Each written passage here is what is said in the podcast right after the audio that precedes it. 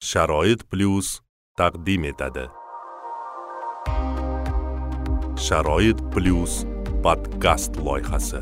Gender tengligi haqida gapirganda ularga voy bu feminist ekan degan tamg'alar bosiladi nogironligi bo'lgan ayollar nogironligi bo'lgan erkaklarga nisbatan ularni ijtimoiy mavqei juda yam past. Bu oila eplolmaydi masalan bu oilada o'sha bekarligini qilolmaydi sharoit plyus podkast loyihasi.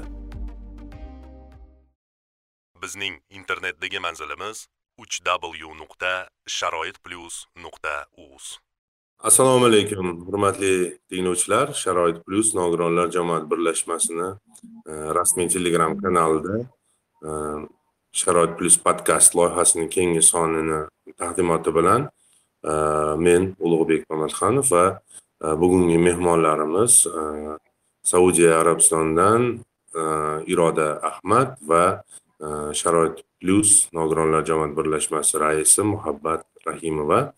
Bugungi e, mavzuyimiz gender tengligi va e, nogironlik e, shu mavzu atrofida suhbatlashamiz. Va bugun ko'pchilik muhabbat opani yaxshi taniydi lekin iroda ahmad Э, kim uchundir tanish kim uchundir ilk bora bu inson bilan uchrashib turibmiz. Э, qaysi birimizdir?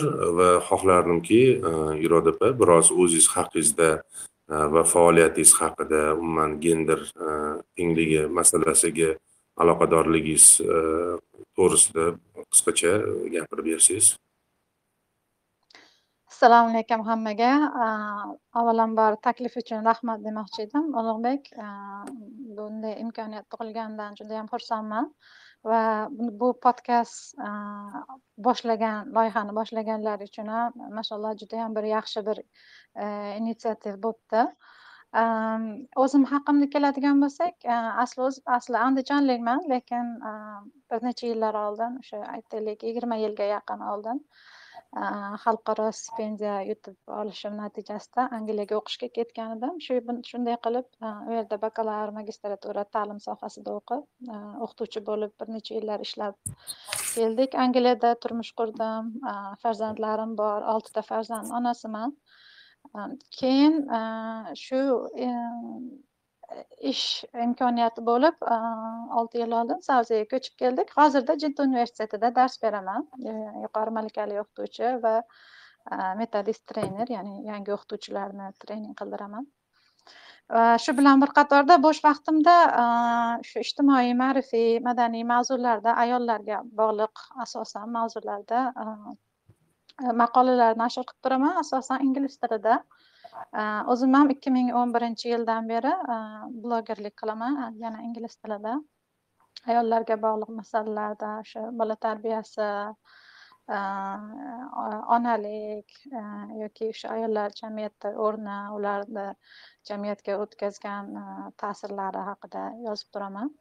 Va yaqinda o'zbekistonga borib keldik. To'rt oyga ancha uzoqdan uzoq paytlardan beri bormagan edik shundan keyin shu yaqin podkastini e, dugonam inoyat bilan yuritishga qaror qildik. E, alhamdulillah bu yana o'zbek ayollari uchun ilk bora o'zbek tilida podkast. Ularga niyatimiz bir ma'naviy ozuqa bo'lish o'zini shaxsiy rivojlanishiga turtki bo'lish uchun e, shu podkastni boshlagandik. Va shu orqali siz bilan ham tanishdim. Shunday qilib shu yerdaman. rahmat rahmat. Qimmatli vaqtingizni ayamasdan kelganingiz uchun. O'zi umuman keling gender tengligi tushunchasi to'g'risida umumiyroq bir ma'lumotlar berib o'tsangiz chunki nafaqat o'zbekistonda o'zi umuman dunyoda ham mana o'zingiz bilan alohida gaplashganimizda aytib o'tdingiz rivojlangan davlatlarda ham gender tengligi judayam bir achinarli holatda. Kerak bo'lsa o'sha buyuk britaniyada ham gender tengligi masalasida bir qancha muammolar yig'ilib qolgan degan fikrlarni aytdingiz. O'zi umuman gender tengligi tushunchasi to'g'risida mana bexabar bizni tinglovchilarimiz bo'ladigan bo'lsa ularga bu prinsip asoslari nima o'zi? Gender tengligi deganda nimani tushunishimiz kerak o'zi?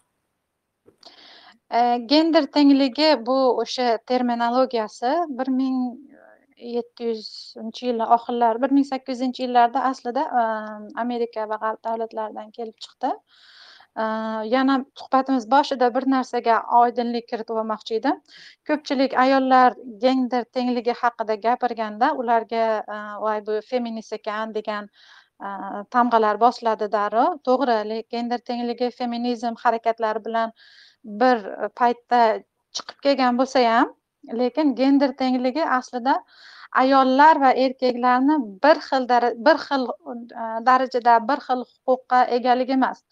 Gender tengligini asosiy g'oyasi e, ayol va erkakni o'sha ikki jinsni ikki xil e, ehtiyojlari ya'ni o'ziga xos ehtiyojlaridan kelib chiqib jamiyatda ularga jinsidan qat'iy nazar ekonomik resurslarga ta'limga yoki o'sha ish bilan ta'minlashga va boshqa o'sha jamiyatni yo'lga qo'ygan sohalarida o'ziga xos imkoniyatlar yaratib berish ya'ni ularni ehtiyojidan kelib chiqqan holatda.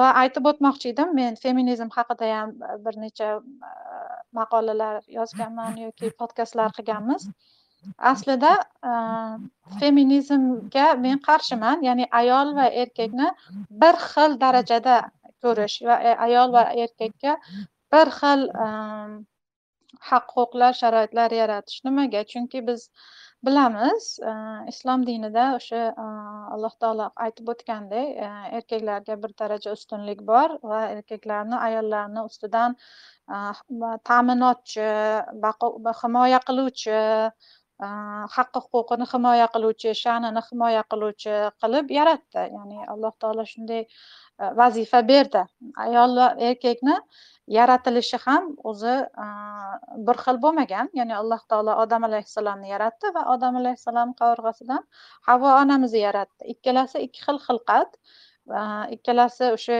biologik fiziologik jihatdan ikki xil va shunga ko'ra ehtiyojlari ham har xil.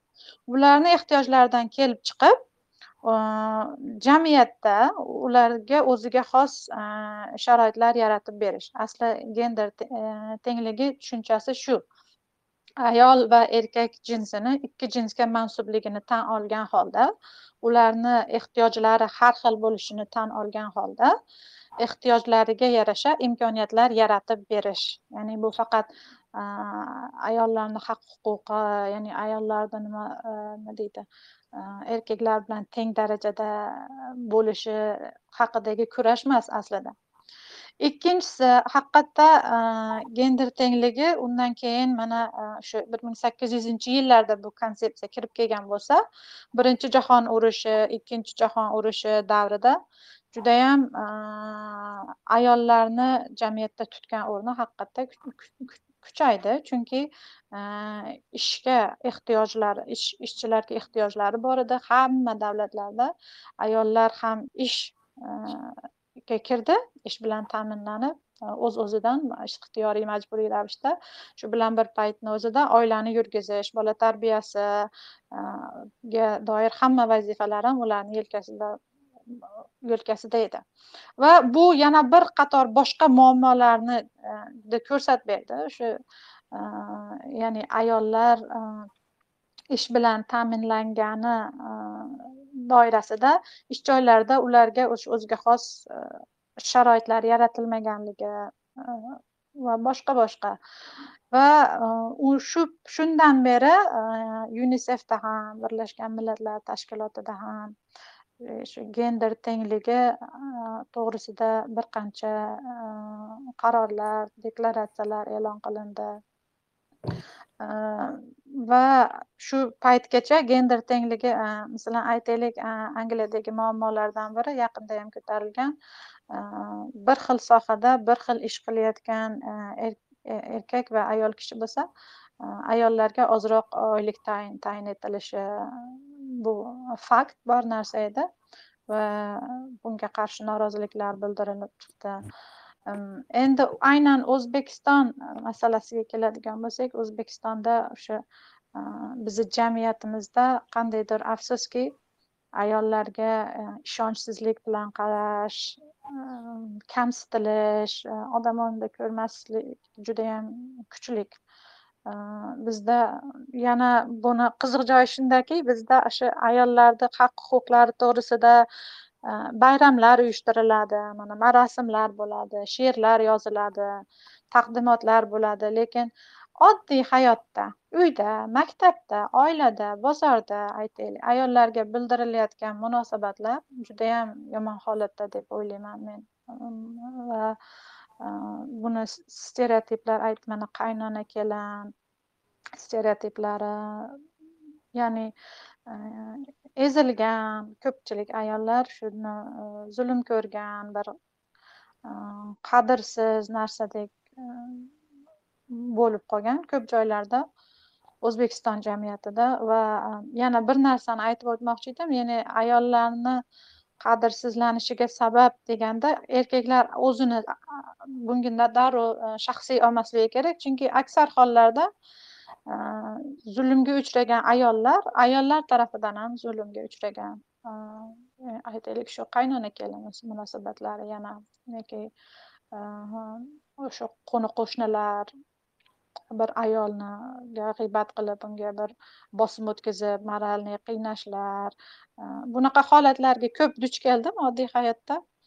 Shuning uchun bu haqda ko'p gapirib odamlarimizni tushunchasini kengaytirish kerak u tushunchasini o'stirish kerak deyman o'sha ayollarimizni ham e, gapirishga fikr bildirishga haqqi bor u nima deydi robotda ishlashi kerak oila byudjetiga hissa qo'shish kerak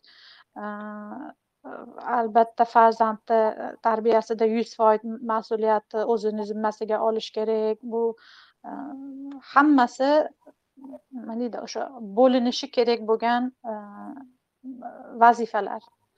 Э, Taqsimot yaxshi yo'lga qo'yilishi kerak va bu shu davlat darajasida kerak bo'lsa bir э, infratuzilmalar ishlab chiqarib yo'lga qo'yilishi kerak bo'lgan qilinishi kerak bo'lgan vazifalar juda yam ko'p. Endi bu umumiy o'sha gender tengligi haqidagi mm, fikrlarida yana muhabbat opadan so'rardim. Aynan gender tengligi va nogiron ayollar э, shu shu borada oydinlik yorug'lik kiritishini. Marhamat muhabbat opa. Rahmat kattakon. Albatta bilmadim endi iroda deymi iroda opa deyishim kerak emas. Albatta hamma fikrlarga qo'shilaman. Shu borada aytmoqchi edimki ayni bizani mentalitetdan kelib chiqgan holda o'sha yuqorida aytilganidek albatta ayol kishi avvalambor e, shariatda erkak kishidan bir pog'ona past yurishi kerak deyishadi. Endi man bu tomondan emas man asosan umumiy olganda ya'ni o'sha yashash hayot faoliyatida ayni jismoniy imkoniyati cheklangan e, xotin qizlarni e, oladigan bo'lsam aynan ya'ni jismoniy imkoniyat cheklangan ayollar yanayam ko'proq tazyiqqa duch kelishadi. U birinchi sababi nimaki?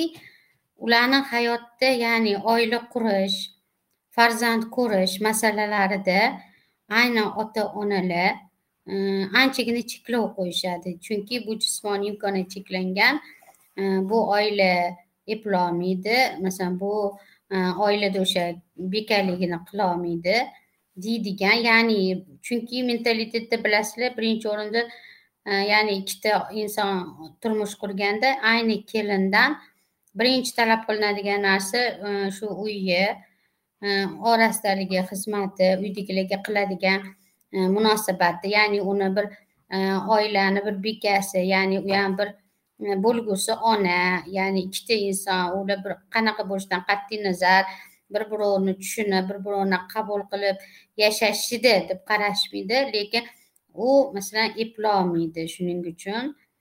Oila muhitini eplolmagandan keyin oila qurishi mumkin emas degan. Ya'ni ularni salohiyati ularni imkoniyatlarini bilmasdan turib ularni ustidan ko'pincha shunga o'xshash qonunlar chiqariladi. Ya'ni yozilmagan qonunlar desak bo'ladi. Albatta bu o'sha bo'lajak qaynonalardan ham chunki imkoniyati cheklangan insonni mm, kelin qilsam u mani xizmatimni qilolmaydi deydigan tushunchalar bo'ladi mana bu ham bu insonni ya'ni imkoniyatlarini o'rganilmagan holda uni ustidan qanaqadir chiqarib qo'yilgan hukm deb bilaman bu ham insonni ancha muncha shu kamsitish tahqirlashga olib keladi hmm. diskriminatsiya bu ya'ni o'zi ayollarga nisbatan diskriminatsiya bor o'sha ish bilan ta'minlashda deylik yoki boshqa har qanday jamiyatimiz boshqa har qanday nimada bizda o'zi shunaqa tushuncha borki ayolni o'rni asosan uyda oshxonada uni vazifasi ovqat qilish kir yuvish ya'ni xizmat ko'rsatish. Lekin ayollarni ham nimagadir o'ziga xos potensiali bor har bir ayolda to'g'ri biz uchun o'sha oila eng muhimi lekin shu bilan bir paytda har bir ayolni o'ziga xos bir potensiali bor. Ya'ni u ham jamiyatga o'sha qaysidir ma'noda o'zini hissasini rivojlanishga hissasini qo'sha oladi va qatnashishga istaklari bor o'zini. Bir orzu orzulari bor lekin e, aytib o'tganingizdek o'zi ayollarga nisbatan sog'lom ayollarga nisbatan diskriminatsiya bo'lgan. Endi e, imkoniyati cheklangan ayollarga e, bilmadim qaysi darajada va bunga to'g'ri asosan bizni jamiyatimizda insonlarni tushunchasi judayam past. Chunki bu haqda mm, yetarlicha yozilmaydi bizda. Va ikkinchidan davlat tarafidan ishlab chiqilmagan. Mana angliyada o'n yildan oshiq yashadik. Aynan shu ta'lim sohasida biz o'qituvchi bo'lib trening qilayotganimizda maxsus shu treninglar bo'ladi. Special education needs deydi buni. Ya'ni maxsus ta'lim ehtiyoji bor bo'lgan bolalar uchun shug'ullanish ularni ruhiy holati e, shu e, jismoniy holatlarini o'rganib chiqish. Shunga ko'ra ular uchun maxsus ta'lim dasturlari ishlab chiqish. Har qanday o'qituvchi buni qila oladi masalan o'zim ham bunga trenerdan o'tganmiz va bitta sinfimda meni shu imkoniyati cheklangan bola bo'lsa u bilan alohida ishlab shu mavzuni darsliklarda unga mos holatida o'zim dastur ishlab chiqishim chiqa oladigan bo'lishim kerak shunaqa imtihonlardan hmm. o'tsangizgina o'qituvchi bo'lib ishlay olasiz va hmm. ish joylarida ham e, o'sha ishga qabul qiluvchilar e, qarorlar davlat tarafidan qabul qilingan jinsiga o'sha e, jismoniy cheklanganligiga qarab hukm chiqarmaslik ya'ni diskriminatsiya qilmaslik har bir nimaga bir xil bir xil potensialda deb qarash albatta hmm. ma'lum bir ishlar o'zi jismoniy sog'lomlikni talab qilsa ham lekin aksar hollarda o'zi imkoniyatidan kelib chiqib o'ziga xos bir kasb tanlaydi va ularni jamiyatga qatnashishiga davlat judayam ko'p imkoniyatlar yaratib bergan. Shu bir maxsus markazlar ochgan o'zim ham bir qancha payt ishlagandim o'sha children with learning disability deydi. Ularni e, volontyorlik markazlariga yuboradi. E, yana bunaqani e, bu har xil shu disability deydi. O'sha nogironlikni shunday turlari borki biz hali uni umuman eshitmaganmiz o'zbekistonda. Chunki bu haqda bizda ilmiy izlanishni o'zi qilinmagan. Disleksiya deydi dispareksiya deydi. Ba'zi birlar bor masalan ba'zi bir qizlarimiz faqat o'qish yozishga qiynaladi o'sha imlo qoidalariga qiynaladi. Buni kasallikni o'zini nomi bor. Bizda o'qituvchilarda o'zini tushunchasi bo'lmagani uchun he sen nimaniyam bilarding seni bo'lishing shuda deb shu kamsitib shu boladagi bor potensialni ham yerga urib yo'q qiladi. Nima demoqchiman? Bu haqda ilmiy izlanishlar olib borish kerak va gazeta jurnallarda ko'proq yozib chiqish kerak yozib chiqilishi kerak maqolalar va odamlarimizni tushunchasini o'stirish kerak. Odamlarimizni tushunchasini o'stirish kerak qarang iroda opa shu nuqtada man e'tiboringizni bitta jihatga qaratmoqchi edim. Yaqinda e, bundan bir necha oy avval e, mani bir do'stim e, yigit gender masalalari bo'yicha bir vebinarda ishtirok etdida va unga shunaqa bir kommentariyalar yozishdi. San o'zing erkak kishi bo'lsangda nimaga ayollar masalasi bilan shug'ullanyapsan san orientatsiyang nenormalniymi umi bumi deb mana shunaqa bir haligi ma'lumot hujumiga uchradida hmm. shunda baribir bitta xulosaga kelganmanda man o'zim. Baribir misol uchun gender masalasi bu boshqa mana xuddi nogironlik masalasiga o'xshab umum barcha shug'ullanishi kerak bo'lgan masala deb hisoblayman. Faqatgina masalan ayollar shu gender tengligi uchun kurashganini o'zi yetmaydida man misol uchun mana nogironlik masalalarini ham yechimlarini nogironligi bo'lmagan odamlar bilan birga e, qidirsangiz baribir yaxshi yengidan yengi yechimlar topiladida xuddi shunaqa e, jihati gender tengligi muammolarini o'sha e, yechimini erkaklar bilan birga yechishga intilish qanchalik effekt beradi? Mana man o'zimni endi xulosamda bu qanaqadir bir ilmiy yoki metodologik unaqa asosga ega emas bu o'zimni shaxsiy fikrim. Shu qanaqa effekt beradi deb o'ylaysiz? Erkaklar bilan birga gender tengligi muammolarini yechish. Ana aytib o'tganimdek mana hozir e, bu global e, darajadagi bir e, konsepsiya hozirgi nimada? Chunki global miqyosda olib qaradigan qaraydigan bo'lsak aynan ayollarni o'sha human trafficking deydiku ekspluatatsiya qilish aynan ayollarga haq huquqlarini buzish yoki ko'pchilik mana zo'rlash zo'ravonlikka uchraganlarni yetmish foizi ayollar.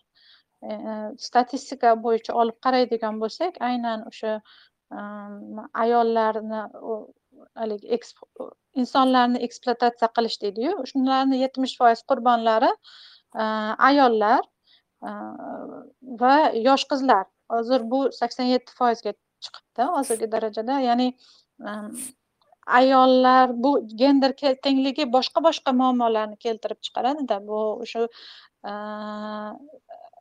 vulnerable deydiyu ayollarni o'sha haqqi huquqlari himoyalanmagan jamiyatda e, o'sha zo'ravonlik e, zo'rlash yoki e, osonlikcha aldab boshqa maqsadlarda foydalanish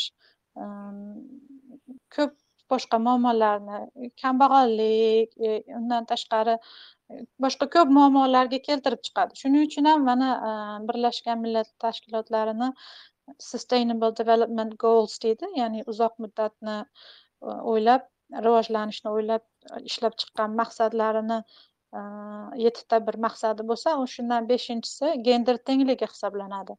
Gender tengligi va har yili bu buni shu o'zlarini ishlab chiqqan nuqtalari asosida buni har yili o'lchab statistika bilan buni oldinga yuborish haqida yana deklaratsiyalar ishlab chiqaradi. Bu hamma uchun foydali butun jamiyat uchun foydali. Aytib o'tganimdek kim gender tengligi haqida og'iz ochsa darrov uni ehm, feminizmda ayblab voy sen feministsan ayollardan endi viloyat hokimlari chiqishi kerakmidi? Ehm, haligi nimada aytadiyu? Bitta haligi ehm, mashhur bir o'zbek filmi bor edi hozir.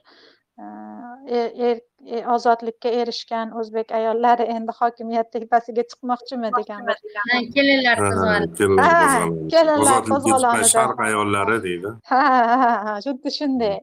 Yo'q aytib o'tganimizdek bu o'sha gender tengligi biz bilamiz ayol ayol va erkakni alloh taolo ikki xil xilqatda yaratdi bilamiz buni. Ularni ikki xil shu fiziologik biologik rivojlanishi ikki xil va shunga shundan kelib chiqqan holatda ehtiyojlari ham va vazifalari ham o'ziga xos. Lekin ayollar ular shu jamiyatdagi ekonomik resurslarga ta'lim e, sog'liqni saqlash yoki e, o'sha jamiyatda e, ekonomik rivojlanishini Э, qatnashishiga ayollarga ham imkoniyatlar yaratib berish. Bitta bitta e, misol. Masalan ayol kishi e, aytaylik ishga chiqdi. E, turmush qurgandan keyin biz o'zbekiston bilan men boshqa ko'p davlatlarda bo'lganim uchun solishtirib shu misolni keltiryapman. Turmush qurgandan keyin albatta ayol kishi farzandli bo'ladi va farzandli bo'lgandan keyin ishga qaytib borishi o'zi istasa ham judayam qiyin bizni jamiyatda. Chunki nimaga? Imkoniyatlar yaratmagan yaratilmagan. Aytaylik angliyada mm, shu farzandingiz tug'ilgunga qadar ayol kishi haftasiga o'ttiz olti soat qirq soat ishlagan bo'lsa haftasiga mm, lekin farzandli bo'lgandan keyin buni ishga qaytishini osonlashtiruvchi bir necha mexanikalar ishlab chiqargan o'sha flexible deydi. Job sharing qilishi mumkin. Ya'ni qaysidir boshqa ya'ni ishdan bo'ldi endi. Agar haftasiga o'ttiz olti soat ishlasang ishlaysan bo'lmasam yo'q ketding ishdan emas. Qancha ishlay olasan o'n olti soatmi yigirma soatmi? Shu ishlash e, flexible ishlash huquqini beradi. Job sharing deydi. Ishni qolganini boshqasiga taqsimlab berishi mumkin. Yoki ish joylarida aytaylik ayollar uchun maxsus bir sharoitlar yaratish masalan emizikli onalar uchun eh, shunga sharoitlar yaratib berish eh, shunaqa sharoitlar yo'lga qo'yilgan. Nima uchun? Chunki yillar davomida bu haqda o'sha aytyapman ilmiy izlanishlar qilib e, statistikalar sonlar bilan publikatsiyalar qilib kitoblar yozilib e, insonlarni tushunchasi o'sgan jamiyatdagi insonlarni tushunchasi o'sgan bo'ldi endi bolali bo'ldi. Buni e, ishlamasa ham bo'laveradi uyda o'tirsa yaxshi Э, uyda o'tirsa bo'ldi degan emas agar uni ishga qaytmoqchi bo'lsa ayol uni ishga qaytishi uchun farzandlari bilan farzandlarini tarbiyalab turgan holatida ishga qaytish uchun ma'lum bir qulayliklar yaratib berilgan o'sha ish ta'minotchilari tarafidan. Shu endi mana siz hozir saudiya arabistonidasiz va navbatdagi savolim aynan sizni hozirgi joylashib turgan joyingiz to'g'risida bo'ladi. Hammaga ma'lum bu o'sha islom tarqalgan hudud. Islom saudiya o'sha arab yarim orolidan asosan o'sha tarqalgan umuman e, islom arkonlari ustun bo'lib turgan bir davlatda e, gender tengligi masalalari qanaqa ko'rib chiqilyapti hozir? Misol uchun siz o'zingiz yashab turgan joyda. Umuman nogironlar e, masalasi keyin u yerda qanday va xususan o'sha nogironlik bo'lgan ayollarga bir qanaqadir imkoniyatlar to'g'risida ma'lumot bera olasizmi? Endi men umuman olganda jamiyatda ayollarga munosabat ehm, yaxshi. Ehm, ya'ni ehm, ba'zi bir stereotiplar bor. Saudiya to'g'risida ayollarni odam o'rnida ko'rmaydi.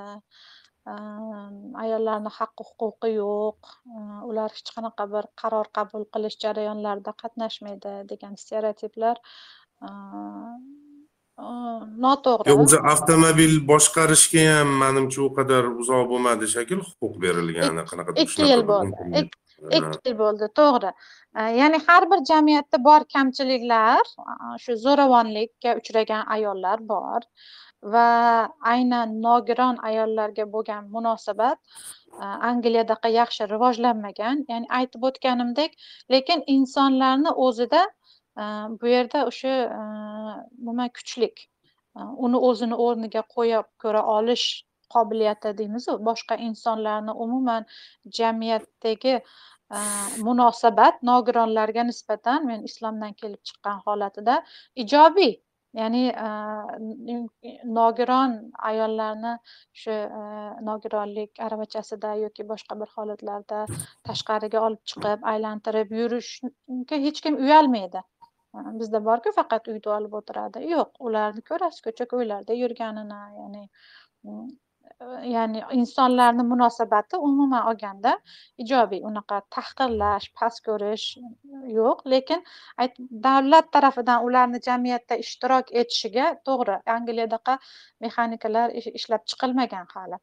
Ya'ni angliyada o'sha tug'ilganidan boshlab mm, bir nogironligi bormi e, unga davlat tarafidan alohida e, hisob ochiladi va moddiy yordam ajratiladi oyma oy. Birinchidan. Ikkinchidan e, maxsus o'sha e, sog'liqni saqlash tarafidan sog'liqni saqlash vazirligi tarafidan maxsus bir deyiladimi shunaqa ochilib e, doktorlar tayin etiladi oyma oy uni kuzatib borish uchun uni sog'lig'ini yaxshi tarafga o'zgarish ehtimoli bormi? Shuni ustida alohida shug'ullanadi.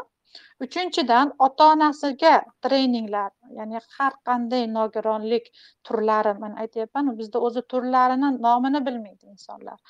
Har qanday u o'sha xohlang mental bo'lsin xohlang jismoniy bo'lsin har qanday nogironlik turidan qat'iy nazar ota onalarga shu nogiron farzandlarini e, tarbiya qilib shu o'zidagi potensialni rivojlanishiga treninglar tashkil qilinadi uchinchidan to'rtinchidan ta'lim sohasida aytib o'tganimdek ular uchun yoki alohida maxsus ta'lim maktablar ochiladi yoki shu uni ham endi o'zini o'lchab chiqadida nogironlik darajasini yoki Э, umumiy o'rta maktabga borsa ham u bilan alohida shug'ullanish uchun e, o'qituvchi ajratiladi yoki qandaydir sharoit qilib beriladi oddiy maktablarda ham. O'sha taraflama oladigan bo'lsak angliyaga qiyoslaganimda e, to'g'ri ta'lim sohasida e, sharoitlar qilib berish men o'zim ta'limda ishlaganim uchun sharoitlar qilib berishga harakat qilinadi lekin u darajada yaxshi yo'lga qo'yilmagan nogironlarni davlat jamiyatda aralashib ketishi davlat tarafidan yaxshi yo'lga qo'yilmagan. Birinchidan. Ikkinchidan aytib o'tgandek insonlardagi umumiy munosabat ijobiy. Biz o'zbekistonda insonlardagi munosabat ham salbiy va davlat tarafidan ham ishlab chiqilmagan bir bir nima deydi strukturalar ishlab chiqib yo'lga qo'yilmagan. Ayollarni gender tengligi e, hozir e, eng e, dolzarb masalalardan hisoblanyapti. Saudiyada ham aytib o'tganingizdek ikki yil oldin uch yil bo'ladi yaqinda. Ayollarni mashina minishga ruxsat berdi va ayollarni ishlashga ish ish nima deydi? Ishlashga targ'ib qilinyapti. Judayam ko'p. Э, va davlat tarafidan э, nimalar ishlab chiqyapti? Э, ma'lum bir shu ish bilan ta'minlovchi korxonalar tashkilotlar e, ishchilar tarkibini e, menimcha majburiy qilib qo'ydi. Ma'lum bir foizi yoki o'n foizi o'n besh foizini ayollar bo'lishi shart. E, yoki ma'lum bir foizdan olgandan keyin davlat tarafidan bonus sifatida u tashkilotga bir imkoniyatlar beriladi. Yoki e, pul bonusi yoki qandaydir e, davlatni e, davlat tarafidan yengilliklar ajratilishi shu taraflama endi ishga jalb qilib ayollarni ishga jalb qilyapti va ish bilan ta'minlovchilarga ham ayollarni ishga olishda diskriminatsiya qilmasligi uchun ma'lum bir qarorlar ishlab chiqib shu tatbiq qilyapti jamiyatga. Tushunarli muhabbat opa e, sizga bitta savol bermoqchi edim. E, mana sharoit plyus e, o'sha mana shu ikki ming yigirma birinchi yilni yarmida matonatli onam loyihasini amalga oshirdida va bitta suhbatda shunaqa bir onalardan bittasi bilan man suhbatlashdim. Nima desam ekan nogironligi bo'lmasada nogiron farzandni dunyoga keltirgani uchun ayollar bizada judayam katta bosimlar va tazyiqlarga uchrayotgan ya'ni uni o'sha turmush o'rtog'i tashlab ketadi uni ta'minlamaydi va judayam nima deydi haligi tub ko'chaga boshi berk ko'chaga kirib qoladi ayollar. Umuman shu to'g'risida fikrlaringizni bildirib o'tsangiz albatta mana shu haqida gapirib o'tmoqchi edim. Mana olti yetti oydan beri biz o'sha matonatli onalarimiz bilan birgalikda ishlab kelyapmiz va ular bilan bo'ladigan suhbatlar jarayonida shunga ma'lum bo'ldiki nafaqat masalan ularni oilasida ya'ni nogironligi hm, bor farzand tug'ilganda e, ko'pchilik onalarimizni oilalari buzilib ketgan ya'ni e, bu keyin ham nogiron tug'ishi mumkin degan tushunchalar va ularni o'sha qaynonalari tomonidan ya'ni e, nima deydi bu nogiron tug'adi yoki Э, asosan mana har bir onalarimiz bilan suhbatlashganda deyarli sakson to'qson foizida shunaqa e, hodisa ro'y berganki ya'ni nogiron farzand tug'ilishida asosan ona aybdor. Bu judayam katta judayam katta bu kamsitish. E, chunki manimcha hech kim ham e, nima deydi mana shunaqa farzand tug'ay demaydi avvalambor birinchi o'rinda bu ollohdan undan keyin o'sha ya'ni homila paytida onaga yetarli bo'lmagan e'tibordan masalan vaqtida ko'rsatilmagandan ya'ni har xil vaziyatlarda holatlar ya'ni uyda bo'ladigan tazyiqlar uyda bo'ladigan nima deydi janjal to'polonlar ham masalan onani psixologiyasiga ta'sir qilib mana buni natijasida u homilaga ta'sir qilish ehtimollari bo'ladi. Lekin afsuski o'sha otalar bo'lajak otalar ham yoki mana shu buvilar ham masalan shu tomonni o'ylashmaydi lekin nogiron farzand dunyoga kelgandan keyin e, balkim shu bola shunaqa tug'ilishi uchun hammamiz aybdordirmiz degan savoldan ko'ra onani ya'ni u hayotini o'rtaga qo'yib ya'ni o'lim bilan hayot orasida o'rtaga qo'yib qilgan holatida e, onani aybdor qilishar ekan shu bilan birgalikda yana nogiron farzandidan orlanib e, yo'q man nogiron farzand bor keyin yana shu shunaqa farzandda tug'ilishi mumkin degan ya'ni gumon anaqalar bilan e, ko'pchiliklarini turmushlari buzilib ketgan ekan. Bu judayam achinarli holat.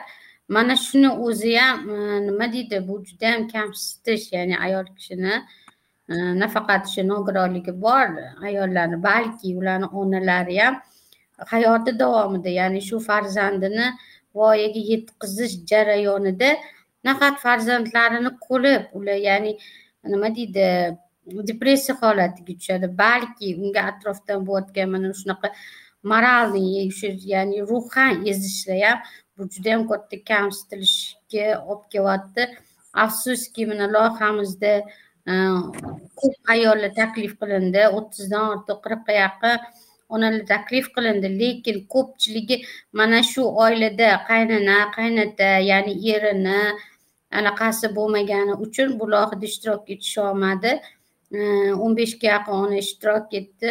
E, lekin afsuski mana shu o'n beshtasidan ham bor yo'g'i beshtasini deyishi mumkin. Hayoti yaxshi hech qanaqa unaqa ta'na dashnomlar bo'lmagan. Ham e, oilalari tomonidan juda yam yaxshi qo'llab quvvatlangan afsuski shu o'nga yaqin undan ortiq onalarimizni afsuski hayotlari buzilib ketgan. Ya'ni e, nogiron farzand tug'di yoki nogiron farzand tug'adi degan ayblov bilan tushunarli rahmat. Iroda opa bu borada fikringizni bilmoqchi edim. Sizni mana eshitdingiz holat to'g'risida. Man o'zingizni bir bahoyingizni berib o'tsangiz endi shu meni fikrim doim aytaman biz e, shu toki har birimiz o'sha individual shaxs sifatida o'zimizni o'zgartirmas ekanmiz jamiyatdagi o'zgartirib bo'lmaydida. Jamiyatda har qanday o'sha o'zgarish rivojlanish organik bo'lishi kerak chunki har qanday jamiyat shaxslardan tashkil topgan. Shuning uchun ayol qizlarimiz o'sha um, um, onalar nogiron farzand dunyoga keltirgan onalar ham um, o'zlarini o'zlar birinchi o'rinda ular bilan shug'ullanib o'zini qadriga yetkazishni bildirishimiz kerak. Chunki har bir insonni alloh taolo aziz va mukarram qilib yaratdi. Har birimizga o'sha islom bergan vazifa va burchlar bilan bir qatorda haqqi huquqlarimiz ham bor. Hammamiz o'zimizni haqqi huquqlarimizni bilish kerak. Ya'ni bizda aksar insonlar e, ayollar ayollar aksar ayollarimiz shu e, tahqirlash kamsitilish odam o'rnida ko'rmaslikka uchraydi. Aytib o'tganimdek bu erkaklar tarafida emas aksar holatda ayollar ayollar tarafidan ham e, bunday nimaga uchraydi? Menimcha bu haqda judayam ko'p gapirilishi kerakda. Ayollar qizlarga bo'lgan bunaqa yomon munosabat keyin boshqa muammolarga zamin yaratib beradi. Aytib o'tganimdek ba'zi birlar o'sha g'arbga taqlid qilib e, ko'pchilik ayollarimiz feminist bo'lib kelishiga va feminizmni o'zidan shu bunaqa e, nima deydi zulmdan boshpana deb tushunib qolishi mumkin. Boshqa ko'p muammolarga olib keladi. O'sha ayollarimizni ekspluatatsiya bo'lib ketishi boshqa davlatlarga e, har xil yo'llarda yomon maqsadlarda qo'llanilishi jamiyatdagi o'sha kambag'allik deydimi boshqa ko'p ko'p muammolarga olib keladi. Endi ayollarga aytgan bo'lardim taqdiri azal. Ko'p narsani biz o'zgartira olmaymiz chunki bizni qo'limizda emas.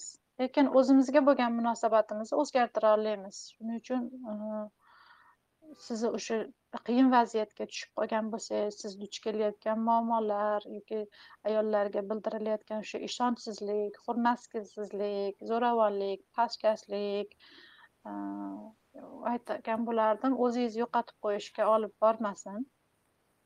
Va har bir jon shuningdek sizni joningiz ham alloh taoloni huzurida o'zini qiymatiga ega. Hech kimni hech bir bandani alloh taolo huquqlarini toptalib o'sha shaxsiyatini yerga urilib xor bo'lib qiynalishini xohlamaydi. Va bizda yana bitta narsa bor e endi sabr qilaman ekanda sabr qilaman ekanda deb o'tib ketadi. Ko'pchilik shu sabr qilish ham tushunchasi ham aslida bu nom nima deydi? O'sha meni bir gapim bor bir burchakda yig'lab o'tirib indamasdan shu passiv yurib hamma narsaga qo'l siltab e bo'ldi bo'lishi shu ekanda deb hamma narsadan hattoki o'zidan ham voz kechib o'la o'lguncha jim yurish degani emas aslida sabr. Har bir inson o'sha haqsizlikka duch kelganda bir oqilona yechim topishga harakat qilib keyin shu harakati davomida Hmm, qarshiliklarga sabr qilish tushuniladida shuning uchun e, ayollarimiz o'ziga bildirilgan shunaqa zulm adolatsizlikka qarshi e, o'zida bir mm, munosabat bildira olishi kerak va buning uchun shu sizlarga o'xshagan loyihalar ko'payishi kerak. E, shu men judayam xursand bo'ldim. Sharoit plus podkastini va sizlarni olib borayotgan ishlaringlarni bunaqa loyihalardan bizga ko'plab o'nlab yuzlab kerak. Buni har bir xonadonga yetib borish kerak. Radioda televizorlarda gazeta jurnallarda bu haqda yozib chiqish kerak. Va hammani tushunchasini teng o'stirish kerak. Albatta. Rahmat. Endi bevosita tinglovchilarimiz tomonidan savollar bo'ladigan bo'lsa o'tsak ham bo'ladi o'zimiz o'zaro bir maza suhbatlashib oldik. Suhbatimiz ham davom etadi albatta. Hozircha qo'l ko'targanlarni ko'rmayapman boshqa. Hmm. bo'lmasa navbatdagi savolni ham man o'zim beraman. O'zi umuman ulug'bek iloji bo'lsa man bitta savol bor edi o'zim marhamat. Boshida o'sha rahmat katta imkoniyati uchun. Boshida shunaqangi bir e, fikr e, bo'ldi. Muhabbat opadan ham va manimcha e, iroda opadan ham xuddi shunaqa fikr bo'ldi. Ular ham qo'shiladilar ya'ni ayollar bir pog'ona pastroq yurishi kerak degan ya'ni erkak kishiga nisbatan. Man ham shu qur'oni karimda o'qiganimda misol uchun o'ylaymanki bunaqa narsa yozilmagan deb o'ylayman. Ya'ni o'zim yaxshi qur'onshunos emasman va islom dini bo'yicha judayam e, bilimim sust lekin mani manga shunaqangi tuyuldiki e, insonni irqi jinsi yoki nogironlik holati yoki boshqa bir e, o'sha omillar muhim rol o'ynamaydi. Eng muhimi insonni o'sha iymoni iymoni kuchliligi va e'tiqodi va shu dinga bo'lgan nisbatan munosabati e, muhim rol o'ynaydi. Ya'ni shu qiyomat kunida ham ya'ni tenglik jihatdan hamma teng faqat shu iymon bo'yicha farqlanadi insonlar. Degan bir e, fikrga kelganmanda ya'ni buni e, mana agar mana shunaqa munosabatda bo'lsak ya'ni bir xil insonlar pastroq yurish kerak bir xil teparoq yurish kerak. Buni kim hal qiladi va pastroq deganda misol uchun nogironligi bo'lgan ayollar e, nogironligi bo'lgan erkaklarga nisbatan e, ularni e, ijtimoiy mavqei judayam past. Misol uchun nogironligi bo'lgan erkaklar bemalol nogironligi bo'lmagan ayollarga uylanishi mumkin turmush qurishi mumkin va ularda unaqa to'siqlar bizga sezilmaydi. Mana hozir bizani a'zoyimiz ham bor shodiyaxon ismli yana ko'pincha shunaqangi bir e, vaziyatga duch kelyapmanki o'zbekistonda nogironligi bo'lgan ayollar ikkinchi sort yoki uchinchi sort yoki faqat norasmiy ravishda ikkinchi xotinlik uchinchi xotinlikka mansub e, ayollar nisbatida ko'riladida ya'ni bular e, ham ayol ham nogironligi bor. Ikki pog'ona past yurish kerakmi degan savol tug'ilyapti bu yerda nimaga ayollar pog'ona past yurishi kerak degan savol menda. Savolni siz iroda opaga beryapsizmi yo javob bersinmi? Shu bugun asosiy mehmonimiz iroda opa va muhabbat opaga oxirida man ham bitta fikr bildirib o'tib iroda opa marhamat ho'p e, birinchi fikringizga keladigan bo'lsak e, albatta e, alloh taoloni yonida erkak va ayol e, ko'p qur'on suralarida yonma yon zikr qilingan. Э, aytaylik oli imron surasida albatta men ichingizdagi birorta erkagi ayol amal qiluvchini amalini zoye qilmasman. Sizlar bir biringizdandirsiz degan e, oyat bor. Oli imron surasini bir yuz to'qson beshinchi oyatida. E, ya'ni alloh taolo doim erkak va ayollarni yonma yon zikr qildi va albatta alloh taoloni yonida e, erkaklar va ayollar ya'ni baravar ya'ni hisob kitobda nima demoqchiman? Har bir shaxsni faqat erkak jinsiga mansub bo'lgani uchun yoki faqat ayol jinsiga mansub bo'lgani uchun ularga bir alohida imtiyozlar cheklovlar qilinmaydi hisobotda. O'sha siz aytgandek qiyomat kunida to'g'rimi? Lekin alloh taolo har birini jinsiga ko'ra vazifalantirdi va shu qatorda erkaklarni ayollarga ta'minotchi qarovchi boquvchi himoyachi qilib yaratdi. Ya'ni bir daraja ustun degani shu ayollar oila byudjetiga hissa qo'shishi shart emas. Ya'ni majburiy emas. Xohlasa u ixtiyoriy o'zida to'g'rimi? Lekin erkaklar uchun bu majburiy. Qarovchi shu ta'minotchi qarovchi boquvchi va himoyachi bo'lish E, majburiy. Chunki buni tushungan narsa o'sha erkaklarga ustun daraja bordir. Erkaklar mas'ul qilib yaratdi. E, bizni ustimizdan mas'ul qilib yaratildi. e, lekin bu degani noto'g'ri tushunchalarga o'sha islomni tushunmaslik orqasidan noto'g'ri tushunchalarga olib boradi. Shu g'arbda ham juda yam kuchaygan erkak kishi mutlaq hokimiyatga ega ayol kishida hech qanday fikrlash yo'q o'zini fikriga ega bo'lish yo'q hech qanday bir qaror chiqarishda qatnashmaydi maslahatlashishda ham ulardan fikr so'ramaydi hech qanday huquqlari yo'q degani emas albatta. Ikkinchi savolingizga keladigan bo'lsak o'sha ayollarni nima deydi ayollar bizni jamiyatimizda o'sha dilmurod o'zi ayollarni qadri afsuski judayam past. Ya'ni ayollarni haq huquqlari davlat tarafidan birinchidan yaxshi ta'minlanmagan bo'lsa ikkinchidan o'zimizdagi jamiyatimizdagi tushunchalar mentalitetdan kelib chiqqan holatda ayollarni afsuski qadri judayam past sog'lom ayollarni. Endi bu o'sha nogironligi bor ayollarni shu ikki daraja past yurishi kerakmi deyapsizu u afsuski o'sha ayollarga bo'lgan munosabatdan kelib chiqqan. Ya'ni o'zi sog'lom ayollarga bo'lgan munosabat judayam past.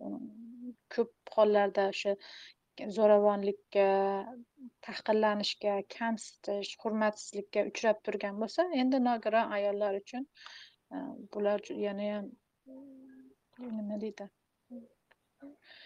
Yomonroq holatda deb xulosa chiqarishimiz mumkin. Ya'ni hmm, aytib o'tganimdek hamma bir buning uchun hamma baravar harakat qilishi kerak. Bunaqa e, bizni jamiyatimizda ayni kunda o'sha real hayotda uyda maktabda oila oilada bo'lib ba'zi bir e, shu holatlar islom ta'limotlariga zid. Mm, va mm, mm, bu o'sha aytaman insonlarni tushunchasini o'stirish uchun mana sizlarnikidaqa loyihalardan judayam ko'p kerak bizga. Hamma eshitsin hamma o'qisin hamma o'rgansin hammani tushunchasi birdan o'ssin ota onalar o'sha uh, nogiron farzandlari bor ota onalar bilan alohida shug'ullansin. Ish bilan ta'minlovchi korxonalar tashkilotlar bilan uh, alohida shug'ullansin. Uh, shu ayol qizlarni nogiron ayol qizlarni ishga jalb qilish borasida ya'ni qilinadigan ishlar juda yam ko'p va eng boshlanishi bularni muhokama qilish munozara qilish awareness deydiyu bu haqda tushunchani yaratish shuning uchun sizlar qilayotgan ish buni boshlanishi deb o'ylayman. Rahmat. Mahmud aka fikringiz bormi? Ha man ham murod ozgina o'sha bergan savollarga qo'shimcha qilmoqchi edim. Nima uchun?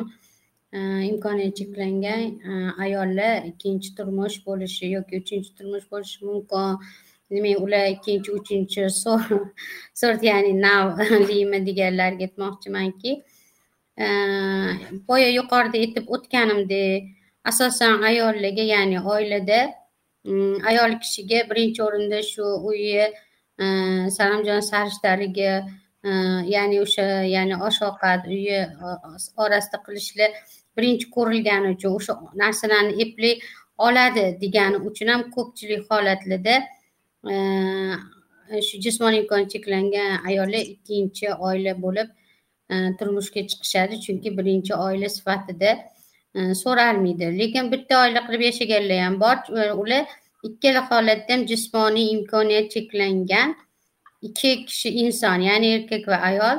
Ularni ikkalasida ham jismoniy imkon cheklangan bo'lsa ularni birinchi oilasi ya'ni birinchi hayoti bo'ladi. Lekin ko'pchilik holatlarda jismoniy imkon cheklangan ayollar Э, sog'lom erkaklarga ikkinchi turmush bo'lib turmushga chiqishadi.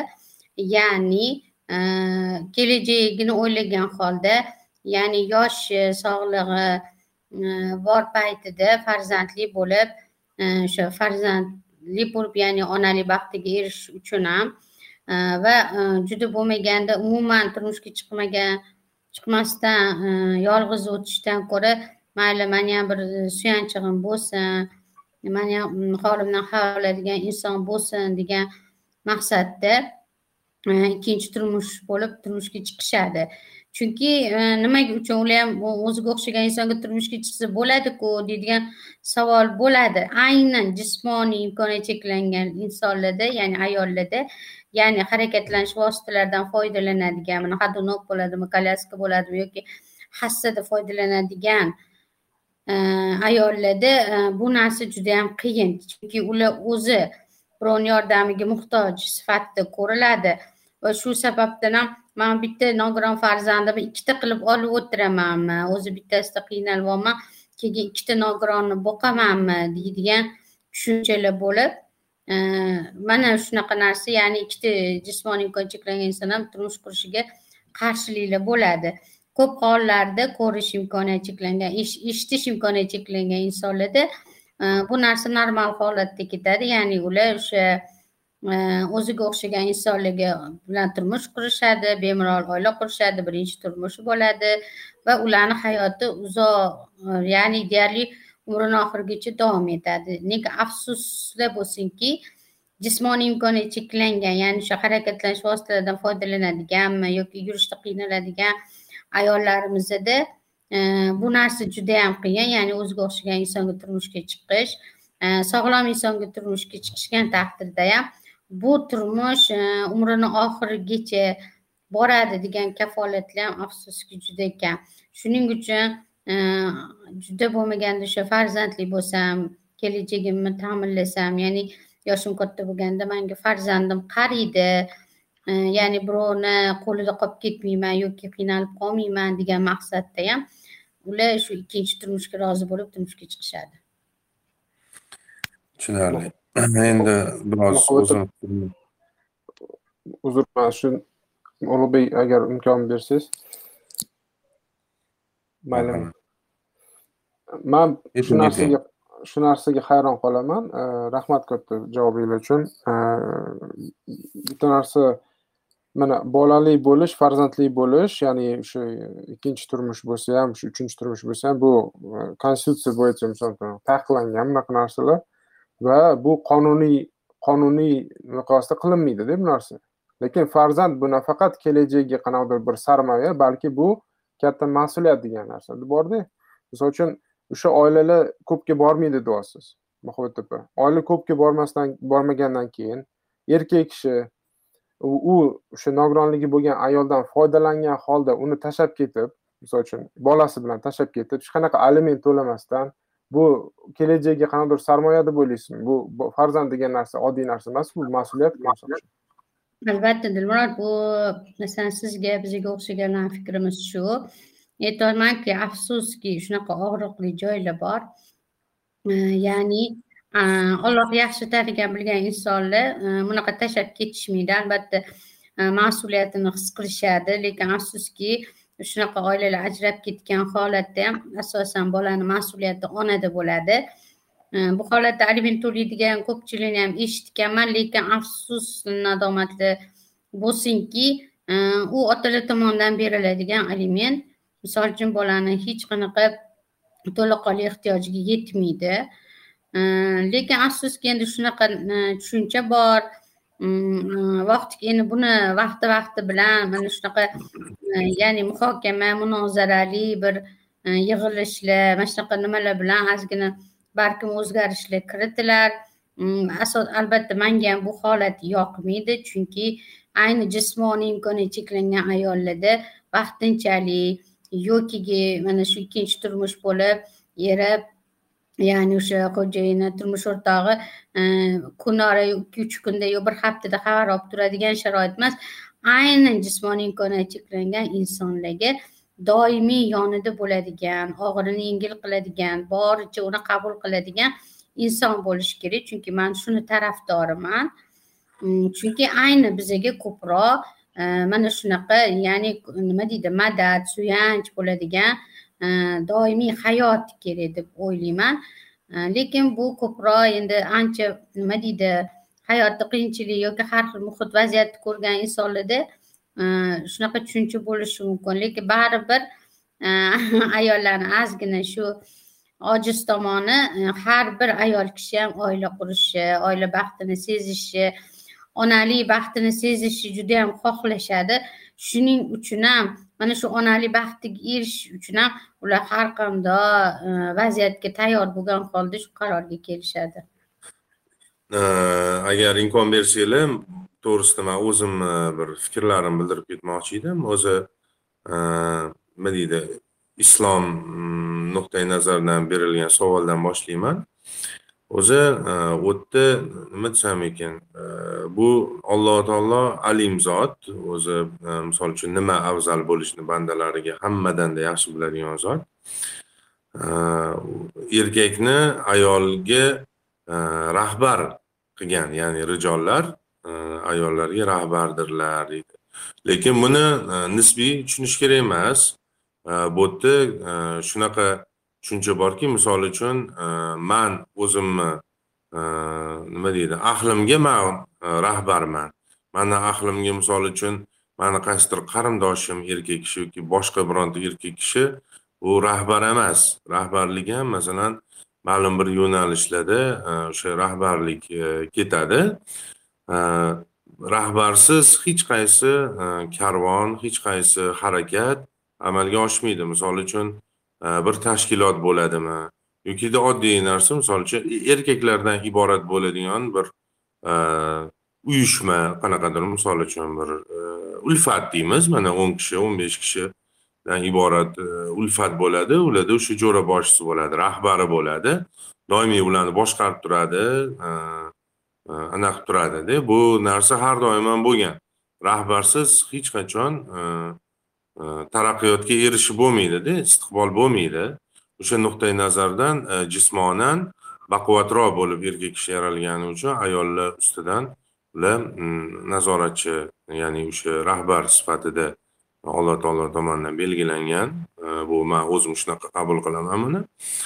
E, endi nogironligi bo'lgan ayollarni ikkinchi yoki uchinchi sort deb judayam mm, qo'pol misol bo'ldi deb o'ylayman. Bu lekin qo'pol bo'lsa ham qanaqadir birinchi e'tibor qaratganda xuddi rostdek tuyuladi lekin aslida buni nogironligi bor ayollar bilangina bog'lash o'zi birinchi xato sababi umuman postsovet davlatlarida ya'ni aholisi musulmonlardan iborat bo'lgan postsovet davlatlarida bu narsa judayam qattiq rivojlangan o'sha kommunizm ideologiyasini nima deydi bir unsurlari qolib ketganligi natijasida bo'lgan bu narsa. Umuman nima deydi faqat nogironlar emas hozir nogironligi bo'lmagan judayam ko'plab yolg'iz ayollar jamiyatda umumjamiyatda istiqomat qiladi va judayam ko'plab o'sha dilmurod aytgandek ikkinchi yoki uchinchi sortga chiqib qolgan o'sha hozirgi tushuncha bilan sortga chiqib qolgan e, nogironligi bo'lmagan ayollar ham ko'p. Bu e, o'sha nima desam ekan mana hozir suhbatda man tushundimki bu faqat nogironligi bo'lgan ayollarni muammosi emas bu umumjamiyatni muammosi. Masalan shu gender masalasi faqatgina ayollarni muammosi emas uni gender tengligini yo'qligi. Umuman hamma erkaklar uchun ham muammoligini tushunib yetyapman o'zim e, o'shaning uchun man uzr so'rayman. Shu nogironligi bo'lmagan e, ayollar ham e, ikkinchi yoki uchinchi kerak bo'lsa to'rtinchi e kerak bo'lsa umuman noma'lum o'rindagi o'sha e, erkak kishiga qaysidir erkakka noma'lum bir maqomdagi ayollik vazifasini o'taydigan ayollar ham nihoyatda ko'payib ketgan. Bu albatta umumjamiyatdagi birinchi muammo va aslida shu narsaga e, misol uchun deylik e, bizni shunaqa do'stlarimiz bor. Ikkinchi yoki uchinchi turmush bo'lib o'sha farzandli bo'lib olib keyin e, turmush o'rtog'siz hayot kechirayotgan misol uchun tanishlarimiz bor. Bu yerda baribir ma'lum bir darajada bu insonlarni o'zini ham aybi bor. Agar o'sha narsaga o'zi rozilik bildirmasa o'zi mana man bilgan ko'pgina e, shunaqa ayollar kerak bo'lsa xususan nogironlik bo'lgan ayollar shu narsaga o'zini ota onalari orqali o'zlari tashabbus bildirishadi. Man farzandli bo'lsam bo'ldi deydi. Boshidan shartlashuv shu bo'ladi. Man farzandli bo'lishim kerak deydi. E, va farzandli bo'lgandan keyin u qadar oilani kerak bo'lsa saqlab qolishga u qadar harakat ham qilinmaydi. Misol uchun baribir qarz qo'ldan chiqadi oilani saqlashga ikkala tomon ham teng harakat qilish kerak. Faqat erkak yoki faqat ayol emasda o'shaning uchun. Keyin e, nima desam ekan ikkinchi yoki uchinchi rafiqa e, bo'lish borasida endi e, bu o'zi umuman qanaqadir boshqa mavzuga olib kelyapti. Lekin bu narsa bizadagi stereotiplarni bir asosida ya'ni o'sha xalqni ongida joylashib qolgan stereotiplarni e, fonida bu narsa o'sha ikkinchi uchinchi yoki to'rtinchi sort degan e, noto'g'ri tushunchalarni olib keladi. Aslida bu narsani o'sha musulmon davlatlarida kerak bo'lsa toza shaffof e, mexanizmlar ya'ni qur'oni karimda yoki hadislarda o'sha keltirilgandek zikr qilinganidek o'sha mexanizmlarni ishlab chiqib hayotga joriy qilingan. Bu narsani hech kim u yerda e, hatto erkaklar ham suiiste'mol qilolmaydi shu darajada bu narsa mukammal ishlab chiqilgan. A bizada bo'lsa o'sha e, dinni ma'lum bir qismini o'zini nafsiga to'g'ri keladigan qismini erkaklarimiz e, o'zlariga to'g'irlab moslashtirib olganlar lekin e, boshqa tomondagi o'sha farzlari vojib amallar va boshqa sunnat amallarga qadar e'tibor qaratilmaydi shuning uchun mana shunaqa ikkinchi uchinchi sort degan tushunchalar kelib chiqadi deb o'ylayman. Bu endi mani o'zimni shaxsiy fikrim. Marhamat agar yana savollar fikr mulohazalar bo'ladigan bo'lsa e, tashabbus bildirib bildirishinglar mumkin. Assalomu alaykum. Bu man nuraliman mani savolim iroda opaga bo'ladi. Mhm. bu ko'proq huquqiy yuridik savol deyiladi. Hop mana gender e, tushunchasi gender tenglik deymizda bu narsani qonuniy huquqiy tushunchasini aytib bersalar. Mana misol uchun o'zbekiston respublikasida nogironlarni ijtimoiy himoya qilish to'g'risidagi o'zbekiston respublikasi qonunining uchinchi moddasida asosiy tushunchalar degan punkti bor agar e, xuddi shunga o'xshash gender tenglik to'g'risidagi qonun qabul qilingan bo'lsayu uni o'shanday asosiy tushunchalar to'g'risida batafsilroq ma'lumot bersalar. Ya'ni huquqiy tomondan ya'ni lug'aviy anaqa tomondan emas huquqiy nazariy tomondan nazarda tutyapmanda shu haqida e, savolimga javob bersangiz. Marhamat savolni ehm, to'g'ri tushundimmi? Ehm, yo'qmi? Lekin o'zbekistondagi huquqiy holatdan ayni paytda ehm, xabarim yo'q. Chunki uzoq yillardan beri o'zbekistondan tashqarida istiqomat qilamiz. Shuning uchun aynan gender tengligi masalasida davlat tarafidan bir qarorlar qonunlar qabul qilinganligimi yo'qmi bilmadim. Lekin agar qabul boshqa davlatlardagini aytmoqchi bo'lsam shu ayollar va erkaklarga bir xil oylik ta'sis etilishi ya'ni aytaylik bir ayol va erkak ikkalasi ham yo'q hech mayli o'zbekistonnikini bilmasangiz xalqaro konvensiyani ya'ni xalqaro konvensiya deymiz. Butun jahon miqyosida qabul qilingan konvensiya misolida aytib bering. Ho'p yunisef tarafidan qabul qabul qilingan deklaratsiya bor. Gender tengligi to'g'risida ya'ni bunda erkaklar va ayollar bundan tashqari o'g'il bolalar va qizlarni bir xil resurslardan bir xil imkoniyatlardan o'sha qonunlar ularni himoya qilishi bir xil qonunlardan himoyalanishga haqqi huquqi borligi. Bu e, o'sha e, qizlar ayollar erkaklar ayollarni bir xil bo'lishini talab qilmaydi lekin e, ularni ehtiyojdan kelib chiqib shunga yarasha imkoniyatlar yaratib berishlikni talab qiladi. Ta'limda yoki sog'liqni saqlashda yoki boshqa sohalarda. Yoki aytib o'tganimdek shu mmtni e, beshinchi e, sustainable development goals deydi bu gender tengligi masalasida va e, ular butun global miqyosida gender tengligi masalalarini o'lchovchi bir dasturlar ishlab chiqqan bo'ladi. Ya'ni aytaylik ayollar va erkaklarni ish bilan ta'minlanishini ko'rib chiqadi yoki Э, ayollar va erkaklarga joriy qilingan e, sharoitlarni o'rganib chiqqan bo'lishi mumkin yoki ayollar va erkaklarga ta'sis etilgan oyliklarni ko'rib chiqqan bo'lishi mumkin. E, va ko'p joylarda mana erkaklarga yoki o'g'il bolalarga ta'limga ko'p yo'llar ochib berilgan lekin e, qizlarga imkoniyatlari cheklangan. Boshqa ko'p nimalarni ko'rib chiqib har yili bir shu ilmiy izlanish natijasida e, publikatsiya qilinadi maqolalar yoziladi va buni asosida davlatlar o'ziga bir qonunlar qarorlar qabul qabul qiladi. Ish bilan ta'minlash borasida ta'lim sohasida yoki sog'liqni saqlash sohasida va qaysi sohalarda ayollarga ehtiyoj ko'proq.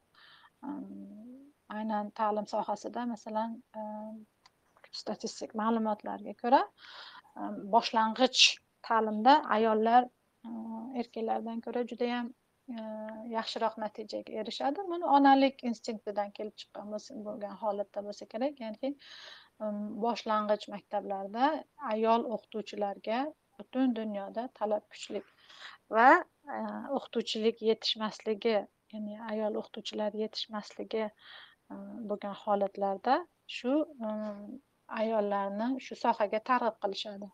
Shu statistikadan va izlanishdan kelib chiqqan holatda. Endi aytib o'tganimdek o'zbekistonda qanaqa gender tengligi bu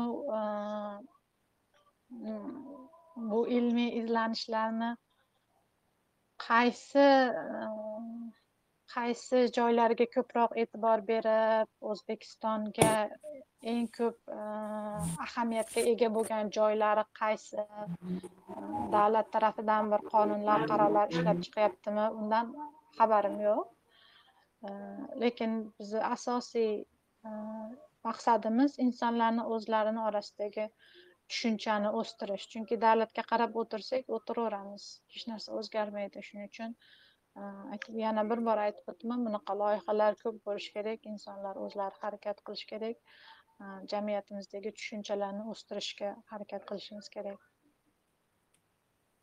rahmat man qo'shimcha qilmoqchi edim shu savolga nurol akani man xabarim bor edi shu qonunlar bo'yicha o'zbekiston respublikasida ikkinchi sentyabr ikki ming o'n to'qqizinchi yil xotin qizlar va erkaklar uchun teng huquq hamda imkoniyatlar kafolatlari to'g'risida qonun qabul qilingan.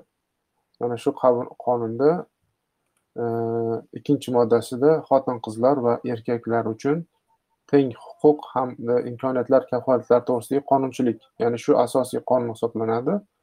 Va shu qonunda uchinchi moddasida asosiy tushunchalar ham kiritilgan gender siyosati gender gender statistikasi gender huquqiy ekspertiza jins bo'yicha bevosita kamsitish jins bo'yicha bilvosita kamsitish. Ya'ni bu qonunni siz o'zizga ham tashlab beramiz xohlasangiz e, o'qib chiqsangiz bo'ladi alohida. Iloji bo'lsa manga shuni pdf formatda tashlab yuborsangiz e, telegramda batafsilroq tanlashardim. Chunki bu qonunni to'g'risi man o'zim navoiy davlat pedagogika instituti axborot resurs markazida ikkinchi toifali kutubxonachi bo'lib ishlayman gazeta va jurnallar bo'limida. Hali bizaga tez kunlarda attestatsiya kelishi kerak. Har bitta qonunni moddama modda so'rashlari ham ehtimoli yuqoriroq. O'shaning uchun bu savolni bekorga bermadim. Chunki yuqorida ta'kidlab o'tganingizdek gender tenglik va nogironlik masala mavzusida bo'layotganligi uchun shu savolni ya'ni asosiy tushunchalar. Birinchi navbatda savolni e, berishimdan maqsad shuki gender degan narsa o'zi nima degani uni batafsilroq bilishimiz kerak. Misol shu qonunda gender degani xotin yo'q yo'q to'xtab turing man gapimni oxirigacha aytib yuboray misol uchun genetika fani bor yoki misol uchun har bitta fanni Э, har bitta yo'nalishni har bitta sohani э, lug'atan yaxshi bilib keyin savolni bersak endi nima misol uchun man bilaman chala bilaman. O'shaning uchun bilib bilmay bir nimalar deb qo'ymay yomon chunki mana tilim yomonligini hamma biladi. Guruhimizdagi ko'pchilik bilasizlar o'shaning uchun har baloni e, gapirib qo'ymay degan maqsadda asosiy tushunchalar deb boshladim. E, savolimni boshidan. Bu qanaqa tushunchalardan iborat? Qonuniy e, huquqiy tomondan qanday baho berilgan degan savolni qo'yganimni maqsadi bejizga emas. Bo'ldimi? Gapirsak bo'ladimi imkon bo'lsa? Endi e, nurali e, podkast boshida e, birinchi har doim nima mavzu olsak o'sha mavzu to'g'risida umumiy tushunchalar to'g'risida gaplashamiz. Podkastimizni ilk daqiqalarida iroda ahmaddan man iltimos qildim gender tengligi tushunchasi to'g'risida prinsiplari to'g'risida umumiyroq qilib lo'ndaroq qilib bir sal tushuntirib bersangiz deb ular tushuntirib berdilar va hozirgi podkastimiz yozib olinyapti. Va e, bir necha kundan keyin kanalimizga joylanadi bu podkastimiz va o'sha google podkast apple podkast yandeks muzika orqali va o'sha kelajakda youtubega ham qo'yiladi. Youtubeda tinglab o'zingizni e, qarashlaringizni yanada mustahkamlab olish imkoni bo'ladi. Hammamizda ham shuning uchun e, mana shu narsaga hammamiz rioya qilsak eshitib tinglab qaytarib bilimlarimizni yengilab olamiz. Xudo xohlasa marhamat yana kimdadir e, fikr mulohaza yoki bir e, savol bo'lishi mumkin. Dilmurod qo'l ko'targan tinglovchilarimiz bo'lsa imkon beramiz. Bo'lmasa e, spikerlarimizdan ham vaqti chegaralangan mm, podkastimizni nihoyasiga yetkazadigan vaqtimiz ham kelyapti.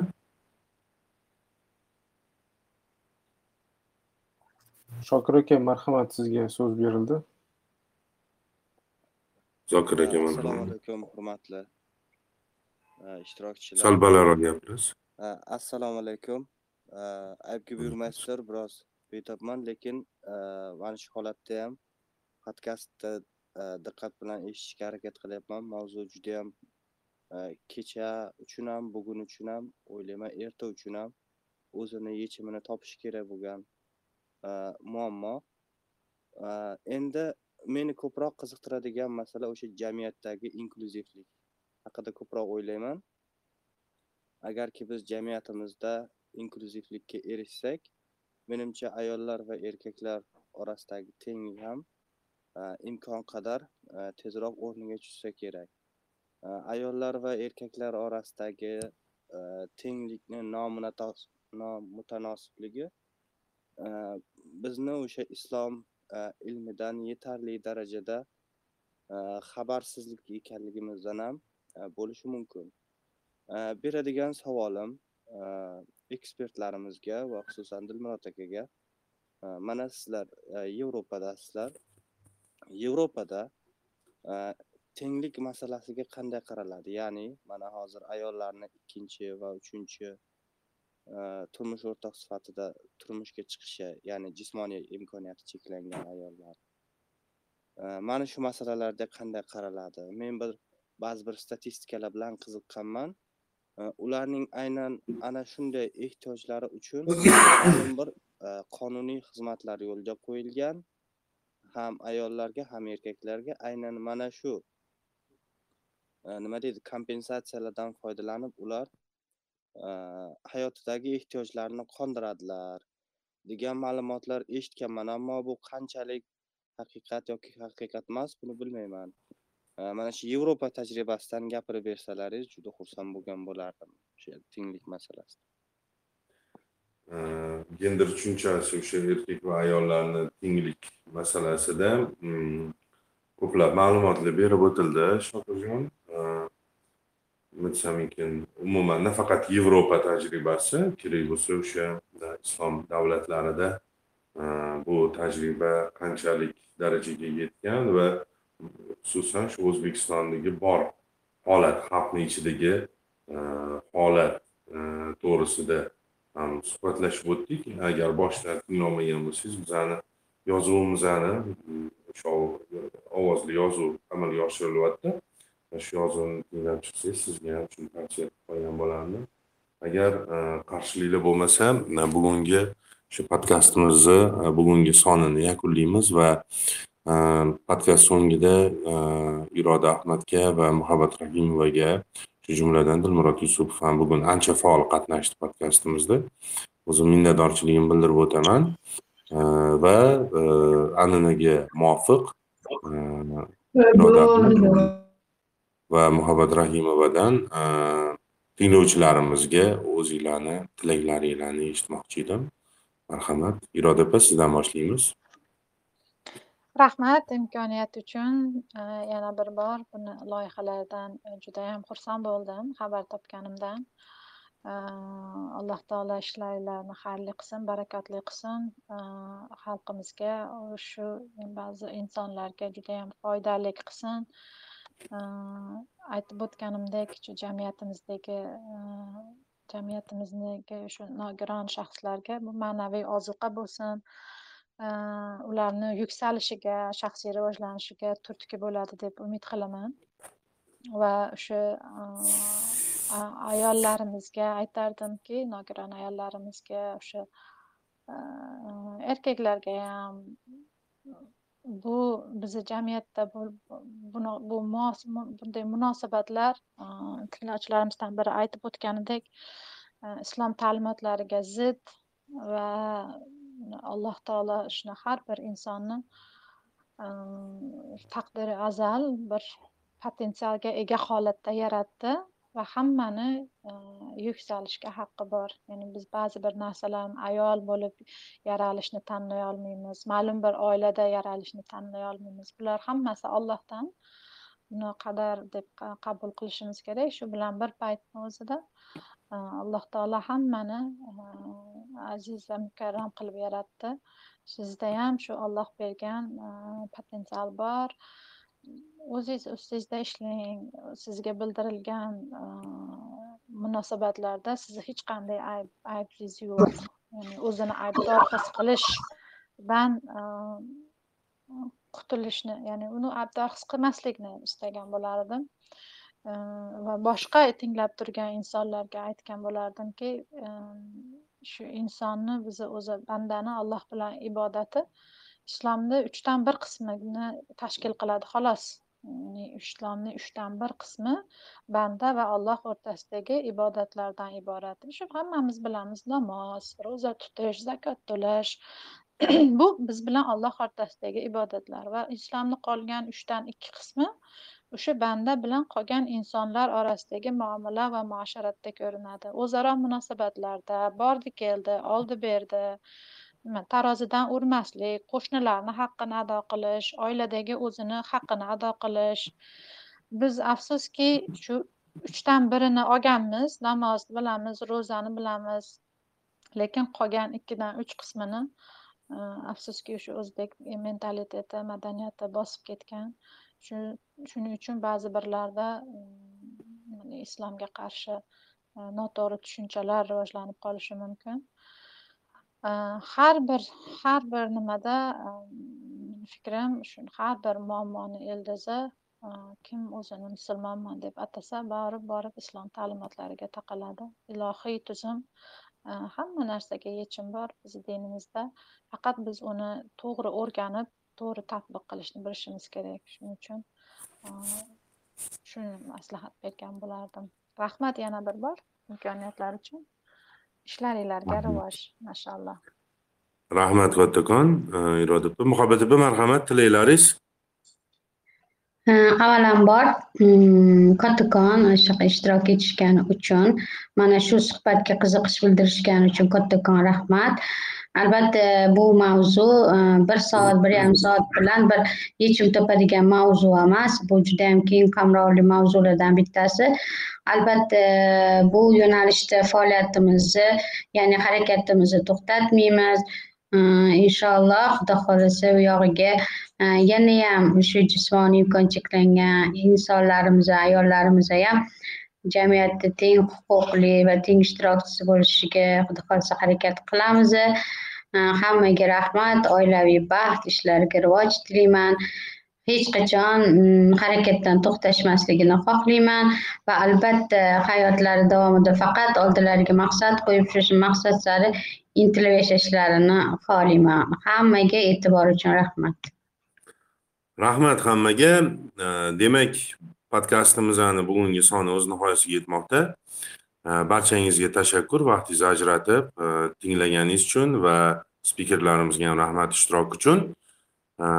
Keyingi podkastimizni keyingi sonlarida uchrashguncha g'oyibona uchrashguncha sog' bo'ling salomat bo'ling deymiz va e, biz bilan qoling bizni kanallarimizni mana shu ijtimoiy tarmoqdagi bizani kanallarimizni kontentlarimizni e, kuzatib boring va o'zingizni e, tegishli mavzularda yo'nalishlarda dunyoqarashingizni kengaytirishga doimo harakat qilib boring. Sog' bo'ling salomat bo'ling.